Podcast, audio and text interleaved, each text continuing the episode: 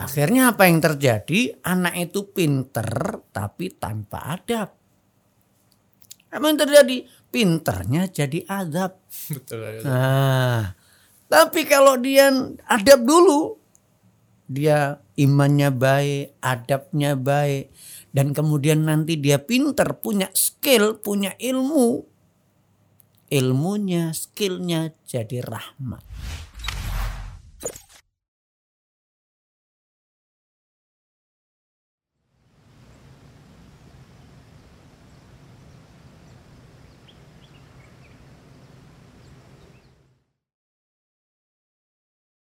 Bismillahirrahmanirrahim. Assalamualaikum warahmatullahi wabarakatuh. Alhamdulillah, assalatu wassalamu ala rasulillah wa ala alihi wa sahbihi wa mawalah. Alhamdulillah kembali lagi bersama kami di podcast SNTV pada segmen Islamic Parenting. Insya Allah setelah kita pada episode episode lainnya membahas terkait dengan bagaimana kita mengimankan anak sebelum mengajarkannya Al-Quran. Nah saat ini insya Allah Ta'ala kita akan membahas terkait dengan bagaimana mengadapkan seorang anak sebelum memintarkan dia di, eh, di dalam dunia ini. Nah, untuk itu kita akan berbincang dengan beliau, guru kita Al Ustadz Yusuf Iskandar Hafizahullah Taala. Assalamualaikum Ustadz. Waalaikumsalam warahmatullahi wabarakatuh. Apa kabar Ustadz? Alhamdulillah. Alhamdulillah. Sehat. Alhamdulillah. Nah Ustadz, ini eh, kita akan melanjutkan Ustadz nih bincang-bincang kita terkait dengan Islamic parenting. Nah, Iya. Kemarin ini kan kita udah membahas terkait dengan bagaimana iman sebelum Al-Qur'an ya Ustadz. Iya, Mengajarkan iman sebelum. Al-Qur'an.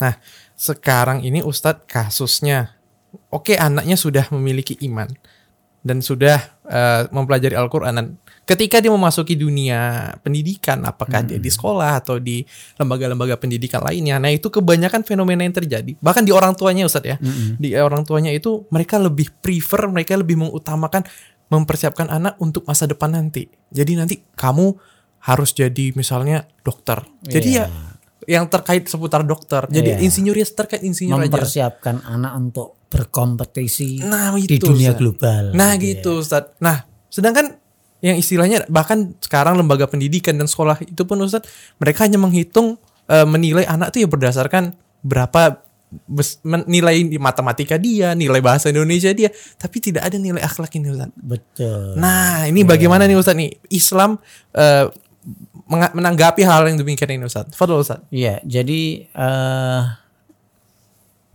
pendidikan itu mesti ada aulawiyat, ada prioritas. Ada yang harus kita eh, lakukan lebih dahulu. Kalau kita itu bangun bangunan, pekerjaan mana dulu yang paling penting? Betul. Kan gitu. Kira-kira apa yang harus dulu harus dikerjakan kalau kita mau bangun rumah? Tentu pondasinya. Pondasinya kemarin sudah kita buat yaitu iman. Iman. Iman dulu sebelum anak diajari Al-Qur'an. Ya. Lah sekarang juga ada aulawiyat yang kedua yaitu adab dulu sebelum ilmu. Ada dulu sebelum. Itu sudah sudah dipahami dan dibicarakan oleh para ulama terdahulu. Para salaf dulu sudah bicara masalah ini. Adab dulu sebelum ilmu. Itu ya. Jadi para orang tua dulu itu sudah seperti itu. Seperti Ibunda Imam Malik. Ibunda Imam Malik itu ketika Malik masih kecil ya. Imam Malik itu masih kecil. Dia kasih dikasih baju kebesaran seperti bajunya ulama gitu ya dikasih imamah sorban. Ya. Maknanya tampilannya Malik kecil itu sudah seperti tampilan ulama. Ulama kecil lah gitu ya. Supaya anak itu berimajinasi. Bercita-cita, punya himmah. Aku nanti mau seperti ulama gitu ya. Dari kecil gitu udah Dari di- kecil sudah ini. gitu ya, Ustaz ya? Jadi pakaiannya sudah menunjukkan ke sana. Sekarang kan ibu sekarang kan anaknya dia kasih pakaian pemain bola, Betul Ustaz. kasih pemain sinetron. Bahkan kalau lagi main pakai singlet sama celana dalamannya Ustaz kan. Lah ini yang yang jadi Malik itu eh, Malik Imam Malik kecil dulu sama ibunya dikasih baju kebesaran, baju kebanggaan seorang penuntut ilmu karena Imam Malik waktu itu sudah menunjukkan kecerdasan. Dan ketika sudah memakaikan surban imamah di kepalanya, pesan ibundanya apa? Ibunda Imam Malik. Nak, pergilah ke gurumu Robi'ah Ar-Ra'yi. Itu gurunya Imam Malik. Pelajarilah adabnya sebelum kamu ambil ilmunya. Masya Allah. Itu anak kecil loh Ustaz ya disuruh gitu. Ibunya sudah mengatakan begitu. Nak, ambillah adabnya sebelum kau ambil ilmunya. Jadi adab dulu anak itu jadi fokusnya anak ketika belajar berangkat ketemu sama guru mengambil sikap akhlaknya gurunya. Betul. Jadi saya berangkat ini berangkat ke majelis taklim, berangkat ke sekolah, ketemu guru untuk mengambil akhlaknya. Jadi saya belajar untuk mengubah sikap saya. Saya punya akhlak yang baik. Ini sudah terpola pada Imam Malik. Ibundanya sudah seperti itu. Lah sekarang kan beda mak-mak sekarang. Iya gitu ya. Mak-mak sekarang itu eh, bagaimana anak cepat pinter. Cepat hafiz Quran. Cepat maunya cepat. Namanya zaman instan ya. Zaman milenial zaman instan. Orang tua itu maunya smart. Betul. Ya. Jadi sarapannya mie, mie, in- mie instan juga. Mendidik anak pun maunya cepet, Betul. smart, cepet, cepet pinter, cepet soleh. Lah ini. Jadi ada semua itu indah pada waktunya. Jadi ada ketika anak itu sebelum masuk sekolah dasar, fokus orang tua itu pak ada pada iman dan adab. Iman dan adab. Nah, Itu basicnya.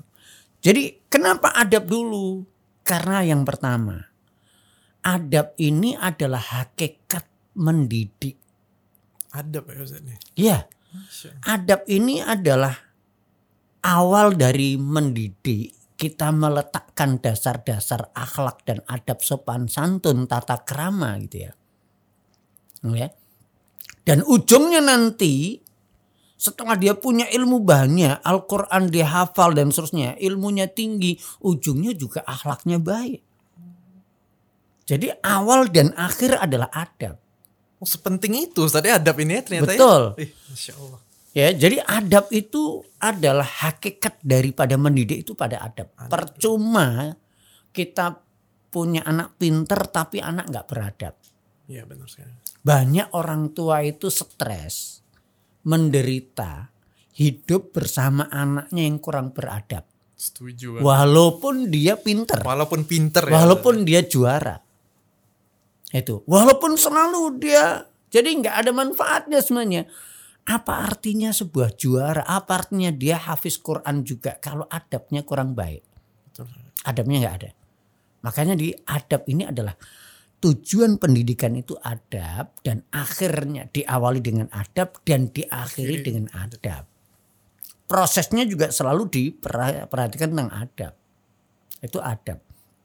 Iman juga seperti itu. Awalnya adalah iman selalu bicara tentang iman, selalu eh, di akhir di proses pendidikan juga selalu bicara tentang iman dan di akhirnya mengokohkan iman. Itu selalu begitu. Tauhid itu nggak bisa di- dihilangkan. Jadi itu, eh, jadi hakikat pendidikan itu mengadabkan anak. Karena adab itu lebih luas. Adab seorang hamba kepada Allah, yaitu tauhid, iman, gitu ya, iman dan ibadah hanya kepada Allah Taala. Kemudian adabnya seorang eh, umat kepada Rasulnya, umat eh, adabnya seorang anak kepada orang tua, adabnya seorang murid kepada guru, adabnya seorang dan seterusnya. Oh, itu beda-beda ya Ustaz ya ternyata ya. Masya Allah. Luas banget. Jadi seorang itu punya akan punya eh, akan bisa diketahui, diketahui dia itu eh, nantinya akan menjadi orang yang bahagia atau sesang, sengsara itu bisa dilihat daripada adabnya. Al Imam Ibnu Qayyim mengatakan min alamatis sa'adatil insan husnul adab. Di antara tanda seseorang itu manusia itu eh, akan hidup bahagia dunianya dan akhiratnya kalau dia sudah memiliki adab yang baik. Wa min alamati saqawatil insan suil adab. Nah, dan di antara eh, tanda bahasanya seseorang itu hidup menderita, susah hidupnya. Dunia dan akhirat. Di dunia dia susah hidup. Karena masa hidup suka nipu, suka bohong, suka nyuri. Jadi orang pun juga enggan ya Ustaz ya, mereka ya. mau bangun mitra bisnis dia kecewa percaya. terus mitranya, nggak percaya lagi. Susah akhirnya, hidup aja susah. Ya ngutang nggak bayar, ya nimbun ke sana kemari ngutang ngutang ngutang ngutang akhirnya dia sendiri bingung, dunia terasa sempit, susah hidupnya. Lah ini kan adalah alamat sakowatil insan itu suil adab, adab yang jelek. Lah, oleh karena itu, karena ini kalau orang tua itu peduli dengan kebahagiaan anak, mestinya letakkan pondasi dasarnya pada adab. Perhatikan adab dari kecil. Nah, itu orang yang peduli, orang tua yang peduli tentang kebahagiaan orang tua di masa depan. Ya, tapi orang tua yang nggak peduli tentang kebahagiaan anak di masa depan ya, akhirnya nggak peduli dengan adabnya akhirnya punya adab yang jelek. Nah ini, ini salah satu eh, apa alasan kenapa adab dulu. Tadi ada yang pertama apa tadi? Karena kenapa adab dulu? Karena memang hakikat pendidikan itu adalah adab. Yang kedua, tanda kebahagiaan seseorang itu ada pada adabnya yang baik. Ya. Sekarang yang ketiga, justru dengan adab itu ada keberkahan. Oh, dari adab yang baik tadi datang berkah ya Datang ada datang keberkahan sehingga dia mudah memahami ilmu. Sebagaimana kata ulama yang bernama Yusuf bin Husain rahimahullah, dia mengatakan bil adab tafhamul ilma. Dengan adab yang baik, engkau bisa memahami ilmu. Allah mudahkan engkau memahami ilmu. Orang yang kalau anak itu sudah beradab misalnya enak mana kalau eh, menjadi seorang guru ya enak mana mengajar anak yang duduknya sudah rapi dengan penuh adab dengan anak yang jelalatan matanya ke mana-mana juga Lari sana, nggak lari bisa sini. konsentrasi kira-kira mana yang lebih cepat pinter Wah, kayaknya yang rajin Yang ya, beradab. beradab ini Ustaz ya. ya jadi adab ini mengundang keberkahan ya Allah memberkahi sehingga memudahkan dia untuk memahami ilmu jadi salah kalau kita itu maunya cepat anak pinter saja tanpa meletakkan dasar adab dulu. Akhirnya apa yang terjadi? Anak itu pinter tapi tanpa adab. Apa yang terjadi? Pinternya jadi adab. Betul. Nah, tapi kalau dia adab dulu, dia imannya baik, adabnya baik, dan kemudian nanti dia pinter, punya skill, punya ilmu, ilmunya, skillnya jadi rahmat. Setuju Pak. Nah, seperti SNTV ini. Nah, ya. Ada ahli IT, ada kameramen. Dia ahli IT, ahli punya skill, tapi karena dia dasarnya itu iman dan adab, akhlak yang baik, akhirnya skillnya untuk mendukung dakwah. Betul. Mulia sekali. Jadi rahmat, Betul bisa dinikmati oleh semua pemirsa gitu. Jadi masya Allah ini adalah salah satu contoh. Tapi lihat ada industri pornografi. Dia mereka juga ahli IT. Jago bagaimana membuat video tapi video porno. Jadi untuk apa akhirnya? Inilah pinternya, pinter atau ilmu skillnya yang tanpa basic yang benar. Tanpa dasar iman, tanpa dasar adab. Padahal jenis ilmunya sama ya Ustaz. Samanya, sama ilmunya. Oh, gitu ya Ustaz. ya. Tapi akhirnya ilmunya yang satu jadi rahmat, satu jadi, Jadi azab. gitu. Oh iya. Merusak hidup dalam manusia.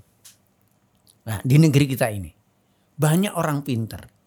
Tapi pinternya malah untuk gerogoti uang negara. Iya.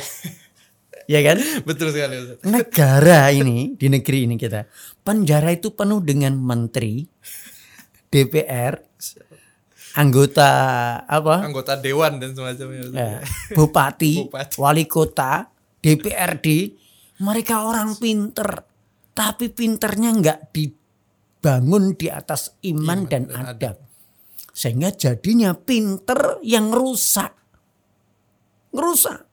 Zolim lah itu. Ya, coba perhatikan sama orang tua, orang tua yang mendengarkan eh, siaran ini, yang melihat ini. Mana yang menenteramkan buat orang tua? Yang anak yang beradab atau anak-anak yang pinter? Anak yang pinter. Itu yang menenteramkan. Mana yang membuat orang tua itu menderita? Akhlaknya yang buruk atau rapotnya yang jelek? Biasanya tuh aduh. Nengok rapot. Karena akhlaknya yang jelek. Ya. Akhlaknya yang jelek. Dan beban orang tua itu terasa berat ketika hidup bersama anak yang nggak punya adab. Sama orang tua melotot, ngelawan, jawab. Maka saya katakan semua itu ada tahapannya. Awali pendidikan anak ini dari iman dan adab. Ya, nanti satu saat anak itu akan mulai merasakan diberi kepahaman sama Allah untuk memahami ilmu, memahami untuk menghafal Quran dan seterusnya sehingga ilmunya akan menyempurnakan adabnya dan imannya. Al-Quran yang dia eh, hafalkan itu menambah keberkahan iman dan adabnya kuat. Lah ini yang harus kita pahami. Jangan sampai hanya fokus hafiz apa bagaimana aku punya anak cepat hafiz Quran. Anak juara terus. Juara terus. Lah apa artinya? Ini akhirnya anak pun juga gagal fokus, gagal paham. Ternyata anak itu ketika selalu diberikan pesan sama gurunya. Nah, belajar di rumah belajar ya, besok mau ulangan.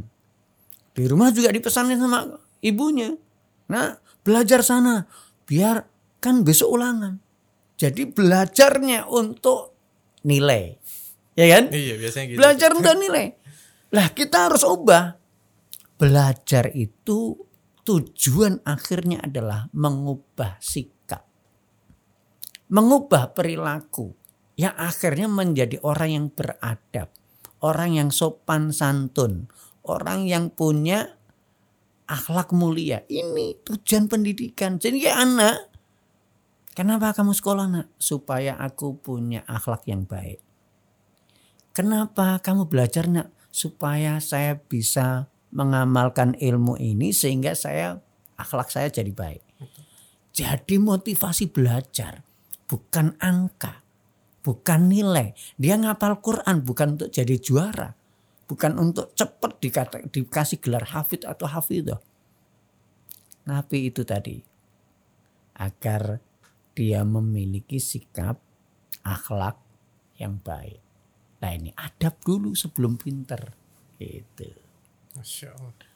Nah Ustaz, eh, mungkin ini menjadi sebuah apa ya bagi kita ya sebuah teguran juga nih Ustaz nih karena banyak sekali di antara kita semua ini yang ya bahkan ketika saking terlalu memprioritaskan dunia nih Ustaz nih anaknya tuh disuruh belajar waktu ya besok ulangan aja kamu besok ulangan kan belajar kamu hari-hari biasa nggak ada suruh belajar gitu kan dan akhirnya dan itu pun yang disuruh hanya belajar besok ulangan matematika belajar matematika aja nggak nggak ada istilahnya kamu ya belajarlah setiap hari sehingga apa namanya rasa ingin eh, rutinitas untuk belajar pun tidak ada Ustaz nah ini Ustaz. Nah ini, ini juga hal hal yang harus diperbaiki. Makanya karena selalu ditekankan angka, angka, angka. nah betul Bahkan sekolah pun akhirnya itu kan pun Iya, ujian nasional. iya betul, betul. Hanya angka. angka juga Jadi akhirnya. akhirnya anak itu gagal fokus. Belajar itu untuk angka, betul sekali setuju untuk rapot, untuk IPK, gitu. Ada Ustaz. bukan belajar untuk memperbaiki sikap. Coba kalau pola pikir anak kita itu, anak-anak murid kita itu kalau sudah di pola belajar untuk memperbaiki sikap. Itu ujungnya sikap, Setuju. bukan ujungnya nilai. Toh sekarang antum rapot antum itu sering antum melihat nggak sekarang ini udah nggak ada, udah lupa Ustaz. rapot SD, SMP, SMA Udah lupa udah. Ustaz. nggak dilihat lagi kan Udah lupa, hanya jadi kertas yang ditumpuk Betul ya. Ustaz. jadi apa artinya Setuju. Betul. jadi sebenarnya ini kita sudah banyak yang hal yang para orang tua itu sudah banyak yang eh, melenceng daripada tujuan mendidik anak. Dan bahkan tahapannya ini nggak dilalui. Dia maunya cepat anak pinter. Anak pinter dan soleh soleh dan pinter gitu. Tanpa melalui tahapannya. Tahapannya apa dulu? Ah, iman dulu. Iman dulu. kemarin iman dulu adab dulu. Baru kemudian ilmu. Pinter pinter itu kemampuan akademik dan pinter itu adalah sisi sisi yang berbeda setiap anak. Nanti kita bahas di pertemuan berikutnya ya. Masya Allah. bagaimana masalah meminterkan anak itu Jadi nggak sampai ini. di sini aja nih Ustaz nih pembuka- pembahasannya. Ustaz, ya. ya kita harus berlanjut Betul, gitu betul, ya betul. Supaya apa pemirsa yang di rumah itu selalu menunggu eh, tema-tema yang segar gitu ya. Allah. yang mencerahkan gitu ya.